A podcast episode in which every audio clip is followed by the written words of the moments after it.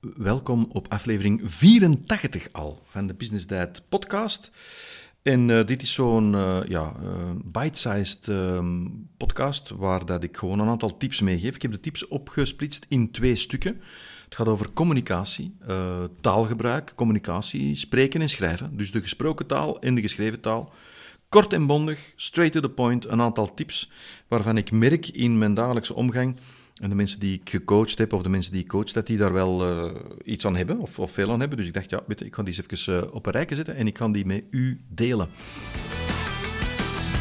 Hallo en welkom bij de Business Diet Podcast. Ik ben Vincent van der Putten en ik deel elke week tips, tricks en tools met je om ervoor te zorgen dat jij de beste versie van jezelf kan worden.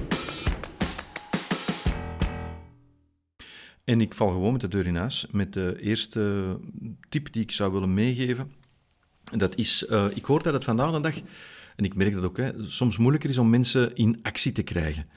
Uh, we vragen veel van de mensen. De mensen in het algemeen hebben ook het gevoel dat ze nogal veel bevraagd worden.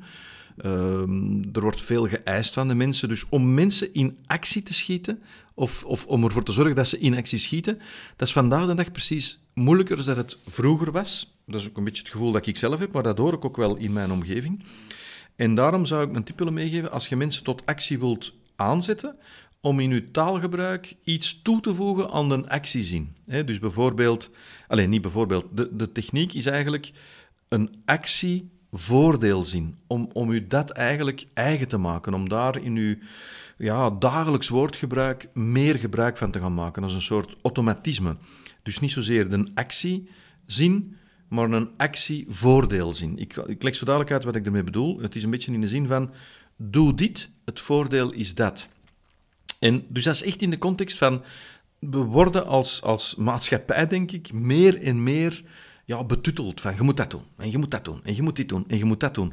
Maar het voordeel is uh, vaak zoek. En nu, een voordeel kan ook een ontbreken van een nadeel zijn. Hè? Voor alle duidelijkheid, uh, je kunt op twee manieren mensen motiveren. Door ze echt goesting te doen krijgen in iets positiefs, of door ze weg te duwen van iets negatiefs, of de mogelijkheid te geven van weg te gaan van iets negatiefs.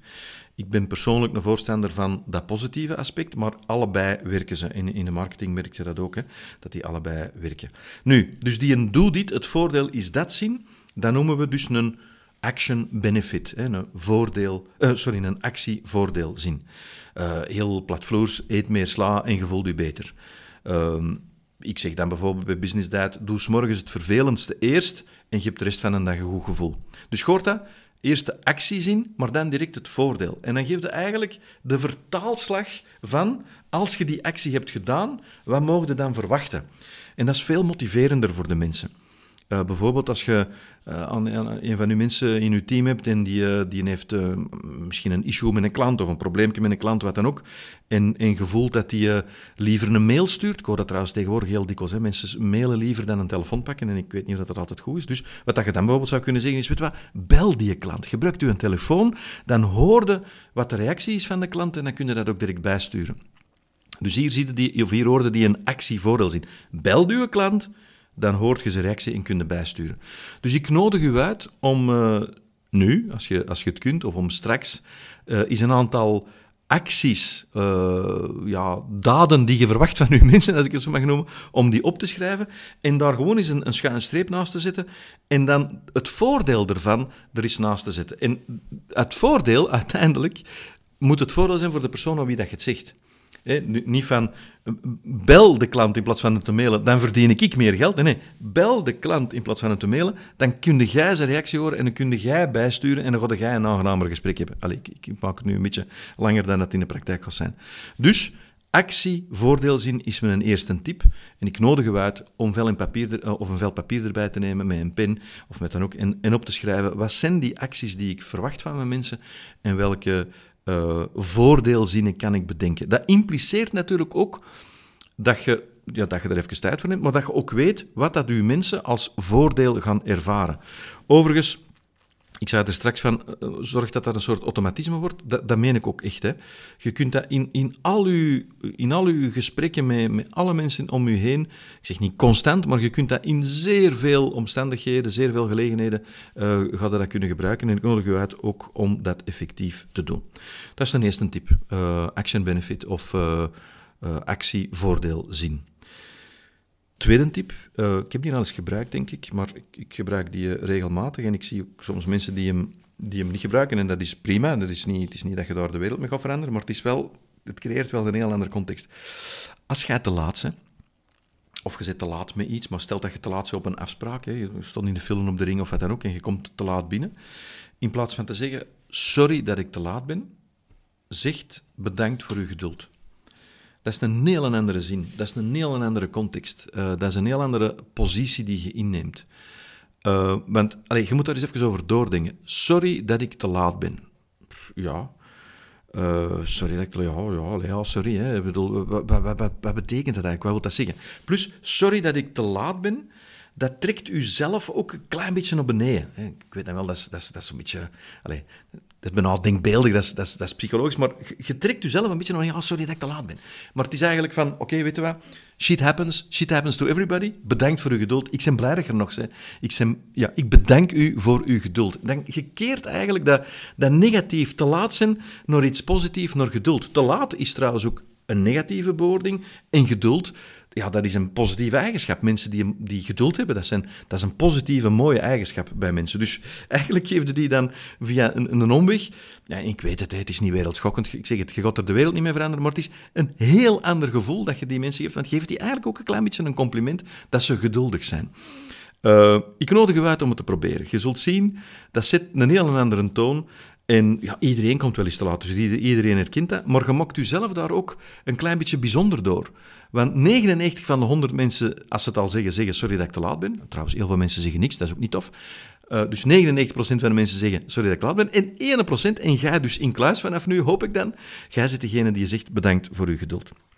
Dat kun je trouwens ook doen, uh, maar eigenlijk wou ik dat in een tweede stuk doen, als je uh, iets had moeten sturen, een mail had moeten versturen of iets had moeten op reageren enzovoort. Dus mijn eerste tip was de action benefit sentence, mijn tweede tip was van, in plaats van te zeggen sorry te laat, bedankt voor uw geduld. Mijn derde tip is om uh, heel voorzichtig te worden met het woordje maar. Zeker als je iemand bijvoorbeeld een compliment geeft, of als iemand aan u vraagt, wat vind je daarvan? Bijvoorbeeld, wij hadden onlangs uh, bij ons zijn wij een nieuwe animatiesoftware of, of software gaan beginnen gebruiken om e-learnings te maken, moet ik eigenlijk zeggen. En wij hebben dat in, in ons team, in ons managementteam, hebben we dat uh, ja, eens bekeken, geanalyseerd en er is over gesproken. En de vraag was effectief van, wat vind je daarvan?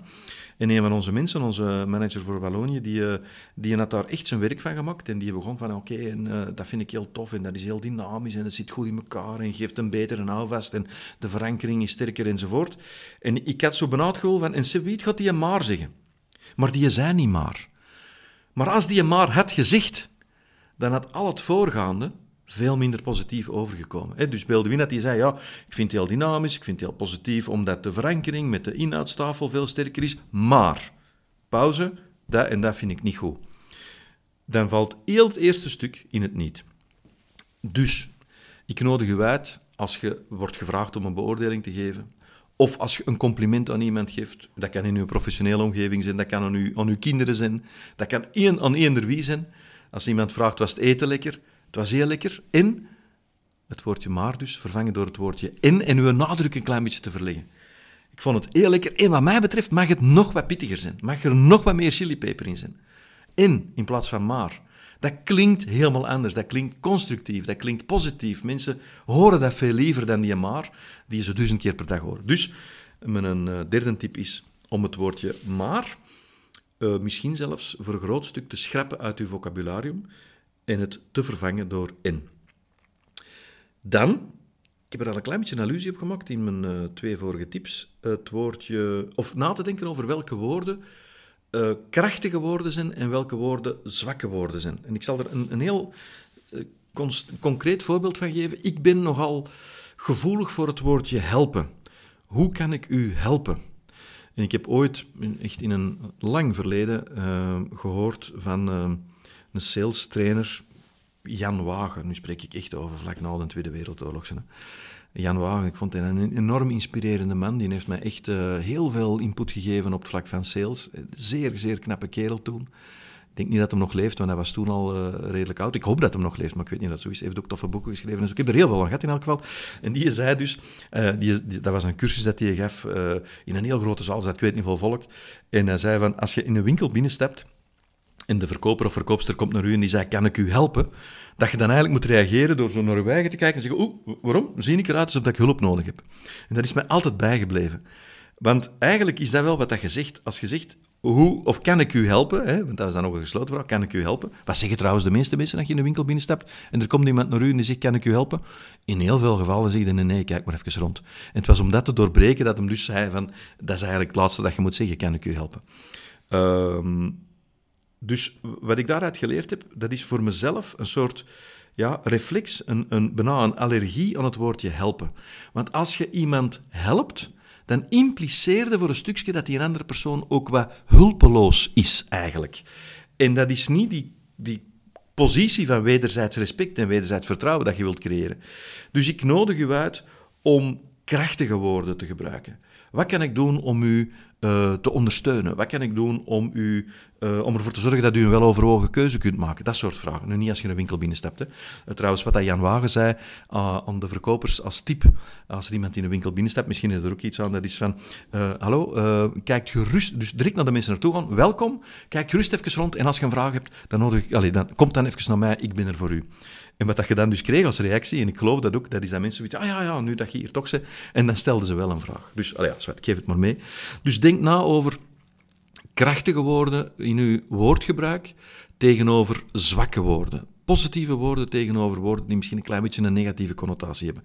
En dat is een beetje huiswerk dat jij best zelf doet. Dat is door effectief je heel bewust te zijn van welke woorden gebruik je in je gesproken taal en ook in je uh, geschreven taal. Ik zie het trouwens ook in marketingboodschappen. Ik zie het ook dikwijls in, in reclameboodschappen. En dan denk ik van, goh, dat is toch raar. Dat zijn dan professionals die, me, ja, die eigenlijk ja, van woordgebruik hun beroep hebben gemaakt. En soms zie ik daar dan toch ook nog uh, ja, heel rare negatieve of zwakke woorden in gebruikt.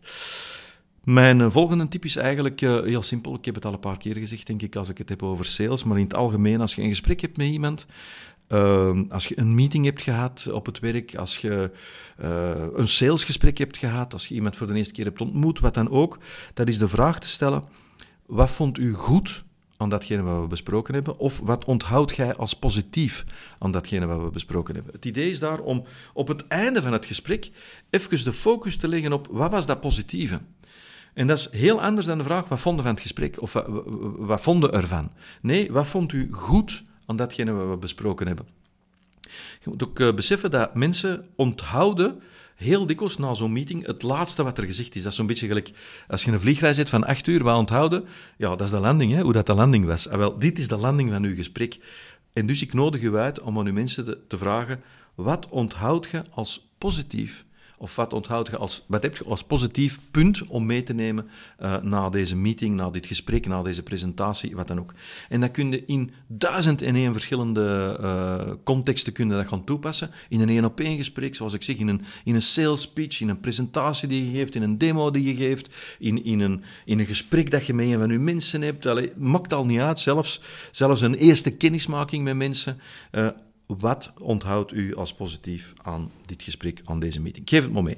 Dat zijn even een paar van die ja, gemakkelijke dingen die je kunt gaan toepassen. Dus de Action Benefits uh, Statement. Uh, vervang, uh, sorry dat ik te laat ben, door bedankt voor uw geduld. Vervang het woordje maar zoveel als dat je kunt door het woordje in. Uh, gebruik krachtige woorden in plaats van zwakke of negatieve woorden. En uh, ja, sluit uw gesprek af, uh, uw meeting af met wat onthoud je als positief. En dan heb ik er nog een paar die je kunt gebruiken in, gesproken taal, in geschreven taal, moet ik zeggen. In, in e-mails dan, hè, want dat doen we toch zo vaak. Ik wil even gewoon meegeven, ik heb het er straks gezegd. Hè. Die, e-mailen is toch o zo gemakkelijk. En in het blijft tegelijkertijd eenrichtingscommunicatie. Hoe dat je het ook draait of keert, het is eigenlijk één richting, ik naar de andere persoon. De andere persoon leest dat, denkt erover na, wacht er een, dag mee en antwoordt dan vanuit hem of haar naar u. Dat is eigenlijk dubbele eenrichtingscommunicatie. En ik, ik nodig u uit om waar dat je kunt, de telefoon te pakken of een videomeeting te organiseren. En om, of om naar de persoon te gaan en er persoonlijk ook uh, dat gesprek mee te voeren. Veel, om die reflex om te gaan e-mailen, om je ervan bewust te zijn dat die reflex niet altijd de juiste reflex is. Dat wou ik even meegeven. Maar als je dan toch aan het e-mailen bent, uh, dan heb ik een paar dingen die, die ik u zou willen gebruiken, of die ik u zou willen laten vertalen. Uh, bijvoorbeeld, uh, ik kom dan terug op hetgeen ik eruit heb gezegd. Sorry dat ik te laat ben met mijn antwoord. De eerste tip hier is dan, bedankt voor uw geduld. Hier heb je mijn, mijn offerte of hier heb je een bestelbon of wat dan ook. Dus dat was een gemakkelijk. Hè? Dat was een, een, een, open deur, want die deur had ik al opengezet er juist.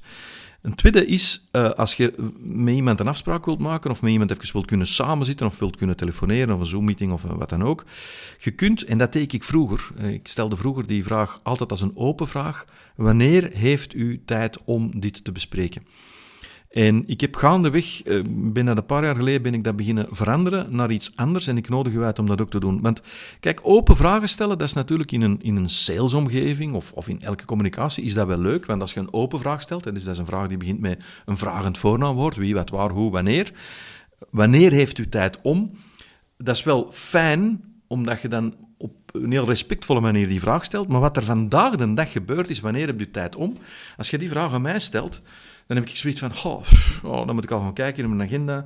En dan moet ik zeggen, die een dag kan ik, uh, of wacht, ja, nee, misschien dan die een dag niet. En dan moet ik een aantal opties aan u geven. En dan geef ik een aantal opties aan u. Maar dan moet ik wachten op het feit dat jij antwoordt op die opties. Dus ik moet het dan als optie in mijn agenda zetten. En als jij er dan drie dagen over doet, dan staat er drie dagen een optie in mijn agenda ergens, uh, die, die er niks niet meer staat te doen. En dan zeg je misschien al geen enkel van die drie dagen, dan heeft dat er voor niks in gestaan, enzovoort, enzovoort. Je verstaat wat ik bedoel. Die vraag die werkt niet meer. Dat wil ik eigenlijk zeggen. En dus wat ik u uitnodig om te doen, als je met iemand wilt praten, samenzitten, telefoongesprek, videomeeting, effectief samenzitten, wat dan ook is, lukt volgende week dinsdag om 10 uur voor u of donderdag om 14 uur. Ja, uiteraard niet die twee specifieke momenten, hè, maar gewoon een voorstel doen, lukt dan of dan voor u. Want dan, als je aan mij vraagt, lukt volgende week dinsdag om 10 uur voor u of volgende week donderdag om 14 uur. Ik geef het nou als voorbeeld, hè. Als je me dat vraagt, dan kan ik rap in mijn agenda kijken en dan kan ik zeggen, dan niet. Ja, donderdag 14 uur. Ja, donderdag lukt. Boom, ik zet dat erin. Veel efficiënter, veel meer to the point. En doordat jij die vraag op die manier stelt, kom je ook zelfzekerder over, kom je ook voortvarender over. En, en kom er bij mij ook over van, oké, die persoon die je weet waarover dat gaat, die, eh, dat, dat gaat niet rond de pot zijn, dat is to the point, boom, dat is hetgeen dat ik moet weten. Veel sneller, veel efficiënter en ik zal u vertellen, het lukt. Het werkt. Nu gaat je misschien denken, ja, maar als nu dinsdag om 10 uur niet werkt en donderdag ook niet, ja, dan doe je een ander voorstel. Als ik dan zeg van, nee, sorry, allebei niet. Je gaat merken dat de mensen heel dikwijls gaan zeggen, nee, donderdag om 14 uur lukt niet, maar om 15 uur wel. Dat is nog altijd kort en efficiënt. En dan kun jij zeggen, oké, 15 uur is prima. Vele efficiëntere communicatie. Dus, tweede tip, wanneer heeft u tijd vervangen door lukt die een dag of die een dag? Ik zou wel een keuze voorstellen altijd. Uh, omdat uw kans op slagen veel groter is. En twee, dat is ook respectvoller naar de mensen toe. Derde tip in geschreven communicatie. Uh, ja, weet je wat? Uh, ik zal het, ik zal het op, op mail zetten. Ja, je hebt het er juist gehoord. Ik ben niet zo'n. Ik zeg niet dat ik geen fan ben van mails, maar als ik kan kiezen tussen een persoonlijk gesprek, face-to-face, of als die anders kan, een videomeeting, of als dat niet anders kan, een telefoongesprek, of uiteindelijk dan een, een, een e-mail, dan heb ik de volgorde genoemd. Liefst face-to-face, als dat niet kan, een videomeeting, als dat niet kan, een telefoongesprek, en als dat niet kan, via mail. Maar als jij zegt, ik zal het op mail zetten, dan, uh, dan zegt al op voorhand, we gaan dit via mail doen. En alle vervolgcommunicatie, of allez, geïmpliceerd eigenlijk dat de vervolgcommunicatie via mail gaat lopen. En dus wat ik u daar uitnodig om te doen is van, het lijkt me beter om dat even face-to-face te bespreken. En dan komt het dus, lukt volgende week dinsdag of volgende week donderdag. Dus in plaats van te zeggen, die reflex te beheersen van, ik zal het op mail zetten, dat geeft u heel veel werk enzovoort. Ik denk dat het beter is om dat face-to-face -face te bespreken. Lukt dat voor u dan of dan? Dat is mijn derde tip. Um, als, een, als een persoon of een klant u bedenkt, bedankt voor iets dat je hebt gedaan, dat goed is, dat is mijn, mijn vierde tip. He, dus van, oh, dat is heel tof dat je dat gedaan hebt. Dan is het antwoord dikwijls, ah, geen probleem. En wat ik u uitnodig om te doen is, bijvoorbeeld in een horeca, ja, geen probleem. Of uh, in, in welke context. Iemand bedankt u voor iets dat je gedaan hebt, of iets dat je verkocht hebt, of geleverd hebt, of, of, of bezorgd hebt, wat dan ook. Reactie is heel gemakkelijk geen probleem. Maar eigenlijk, als je naar die woorden hoort, hè, geen is een negatief woord, probleem is een negatief woord, uh, daar zit ook uh, geen probleem. Ja, wat is het eigenlijk? Hè? Want u, uw hersenen die verwerken eigenlijk veel minder gemakkelijk dat woordje geen dan wel het woordje probleem. Dat is, dat is nu een ander onderwerp wat ik hier niet ga belichten, maar het, het is wel zo. Wat ik u uitnodig om te doen is graag tot uw dienst of, of graag gedaan te zeggen. Dus in plaats van geen probleem, zeggen heel graag gedaan. Dat is een heel andere context. Dat is veel positiever. Daar zette uw rol ook als, ja, ik ben degene die bestemd is om dat voor u te doen, ook veel meer uh, in, in het voetlicht. Dus vertaal of vervang, sorry, geen probleem door heel graag gedaan. Uh, dat was mijn vierde tip. We gaan naar de vijfde tip. Uh, als je de vraag stelt, of nee, vervang de vraag die je stelt op het einde van een meeting, op het einde van een presentatie, op het einde van een demo. Is alles duidelijk? Uh, vraagteken, is alles duidelijk? Gesloten vraag. Uh, er zit ook heel veel... er zit heel veel gewicht in die vraag, vind ik ook. Ik zou uh, u vragen, u uitnodigen om die vraag te vervangen door... Laat me alsjeblieft weten welke informatie jij nog nodig hebt. Je kunt dat nog langer maken. Als je dat wilt, laat me alsjeblieft weten welke info je nog nodig hebt om een weloverwogen keuze te kunnen maken. Als je vraagt, is alles duidelijk? Daar zit zo'n beetje in van, ja, want ik weet dat je een lomperik zit, dat je het misschien niet gaat snappen. Ik overdrijf nu. Maar allez, ik denk wel dat ik dat mag als business. Dus is alles duidelijk? Schrappen en vervangen. Dus laat me alsjeblieft weten welke informatie u nog nodig heeft of jij nog nodig hebt. Goed, zesde tip. Als jij een fout maakt, of gemaakt hebt, dat je zegt dan, oh, sorry, hè, bijvoorbeeld je hebt een fout getypt en iemand heeft u erop gewezen, in plaats van, oh ja, oei, sorry, uh, dat is ook weer zo dat negatief woordgebruik, door dat te vervangen van, oei, hey, dankjewel om me erop te wijzen, hier is het gecorrigeerd, hier heb ik een nieuwe mail. Direct als een soort, ja, een soort positief punt dat oppakken en ermee verder gaan. En, en die persoon ook bedanken dat hem u erop heeft gewezen. In plaats van, oei, sorry, en dan zo, bij wijze van spreken, in elkaar krimpen en kruipen en, oei, oei, oh, maar, oh, ik ben toch een lomperik. Nee, oh, bedankt om me erop te wijzen. Hier is de nieuwe mail of het nieuwe document uh, waar dat ik het heb aangepast veel krachtiger, veel voortvarender, veel respectvoller naar elkaar toe, veel meer op gelijk niveau enzovoort. Uh, dan een, een, een, punt wat toch wel te maken heeft met time management ook. Als je bij een afspraak komt, uh, er zitten dan een paar mensen en er wordt dan misschien op een aantal mensen gewacht. En voordat de meeting eigenlijk om 13 uur gepland om te starten, voordat die goed en wel begonnen is, ja, we wachten nog op de Frank. En de Frank die is nog een koffie gaan halen enzovoort. In plaats van te zeggen, of van dan de vraag te stellen, zou ik om 14 uur kunnen doorgaan? Uh, zo'n beetje smeken, zo'n beetje van oei, onzeker om u heen kijken, zou ik je kunnen om 14 uur doorgaan? Gewoon dan te zeggen van, oké, prima, ik, ik moet wel ten laatste om 14 uur doorgaan, dus voor de rest pas ik mij wel aan. Dus ook wat voortvarender, wat zelfzekerder, wat, wat, wat gedrevener overkomen van, voor mij is het allemaal goed, ik moet wel om 14 uur ten laatste doorgaan. Dan maakt het straks ook heel gemakkelijk, als het bijna 14 uur is, dan gaat het, je gaat dat ook merken, dat mensen gaan zeggen, ah ja, maar wacht, uh, jij moest doorgaan om 14 uur, hè, we gaan nu afronden. Want je legt eigenlijk een stukje van de verantwoordelijkheid van die timing, ligt je door dat te zeggen, bij de persoon die u heeft uitgenodigd, of bij de persoon die de meeting voorzit, enzovoort. Lang verhaal, zeven tips. Uh, een paar uh, tips in gesproken taal uh, en een paar tips in geschreven taal. Ik hoop dat je er iets aan hebt. En misschien denkt u nu van, maar ik heb dat allemaal niet kunnen noteren.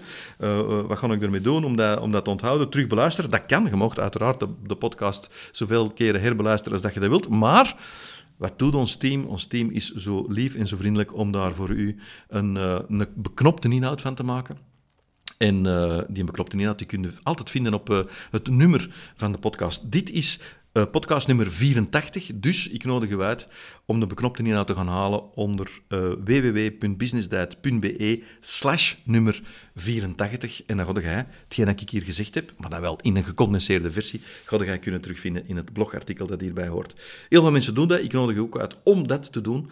Uh, wat dat ook heel veel mensen doen, is uh, om uh, ervoor te zorgen dat ze volgende afleveringen zeker op het juiste moment dat ze uitkomen, ook dat ze ervan op de hoogte gebracht worden. Dat is u zich abonneren. En ik nodig u uit om u te abonneren op deze podcast. Want dan krijg je automatisch een heel kleine notificatie van hey, hier is Business Diet weer met een nieuwe aflevering van een podcast. je kunt het dan wegklikken en dan is dat klaar, dat is geen probleem. Maar dan krijg je zo even zo, een klein seintje van hey, er is weer een nieuwe podcast. En dan mist je ook geen enkele podcast. Dan zit je ook zeker dat je op de goede moment de juiste inspiratie kunt krijgen, als je het inspirerend vindt, wat ik absoluut hoop. Dus ik nodig u uit om u te abonneren. Dat kan via Apple Podcast, dat kan via Spotify. En dan krijg je dus die automatische notificatie. Wat ik u ook uitnodig om te doen, is eens te gaan kijken. We hebben de, de superpromotie uh, verlengd, omdat er uh, zoveel mensen uh, ja, enorm veel ja, voordeel bij hebben en ook plezier aan hebben. Ik heb het in de vorige podcast ook gezegd, we hebben een business uh, diet, uh, business bundle uh, gemaakt. Dat zijn vier ja, heel krachtige minicursussen en dat is het achtstappen businessplan. Dat, is, uh, dat, dat ervoor zorgt eigenlijk dat je op een veel efficiënter manier je doelen gaat kunnen bereiken uh, en de weg er naartoe ook makkelijker kunt gaan, bewandelen. Uh, efficiënt delegeren, op een heel andere manier gaan delegeren, zodanig dat je niet meer moet zeggen van mij tegen dat ik het heb uitgelegd, heb ik dat zelf gedaan. Nee, op een manier waarop dat het effectief gebeurt, snel gebeurt, efficiënt gebeurt en dat die mensen groeien. omgaan met obstakels, omgaan met crisissituaties. God weet dat dit vandaag de dag meer nodig is dan ooit. Een, een, een hele handige toolbox met allemaal dingen die jij kunt doen om gewoon sterker uit crisis te komen. En dan ja, alles wat met sales te maken heeft, ook als je niet in een salesrol zit, het verdiepen van het salesgesprek. Die vier minicursussen, die normaal uh, ja, 200 en zoveel euro kosten, die stonden al aan 149 euro. En die hebben we nu voor u als podcast, podcastluisteraar of luisteraarster als dat Nederlands is, uh, hebben we die nu heel speciaal voor u om 99 euro. Ik nodig u uit om uh, even een tijd te nemen. Ga eens naar www.businessdiet.be slash businessbundle. Ga eens kijken. Ga eens kijken naar de ongelofelijke hoeveelheid informatie, inspiratie en tips en tricks die je gaat meekrijgen, die u gewoon het leven, professioneel, maar ook in de privésfeer, veel, veel makkelijker gaan maken voor 99 euro. Dus... Doe uzelf een plezier, doe uw omgeving een plezier, doe uw job een plezier, uw onderneming, uw project, uw bankrekening. Geef die 99 euro uit, want je gaat ze in een veelvoud terugverdienen. www.businessdiet.be slash businessbundle. Heel veel succes en graag tot de volgende podcast. Indien je de aflevering leuk vond, deel ze dan zeker op Instagram en tag me met @businessdiet. Dat doet me echt heel veel plezier. Ik wens je veel succes en heel graag tot volgende week.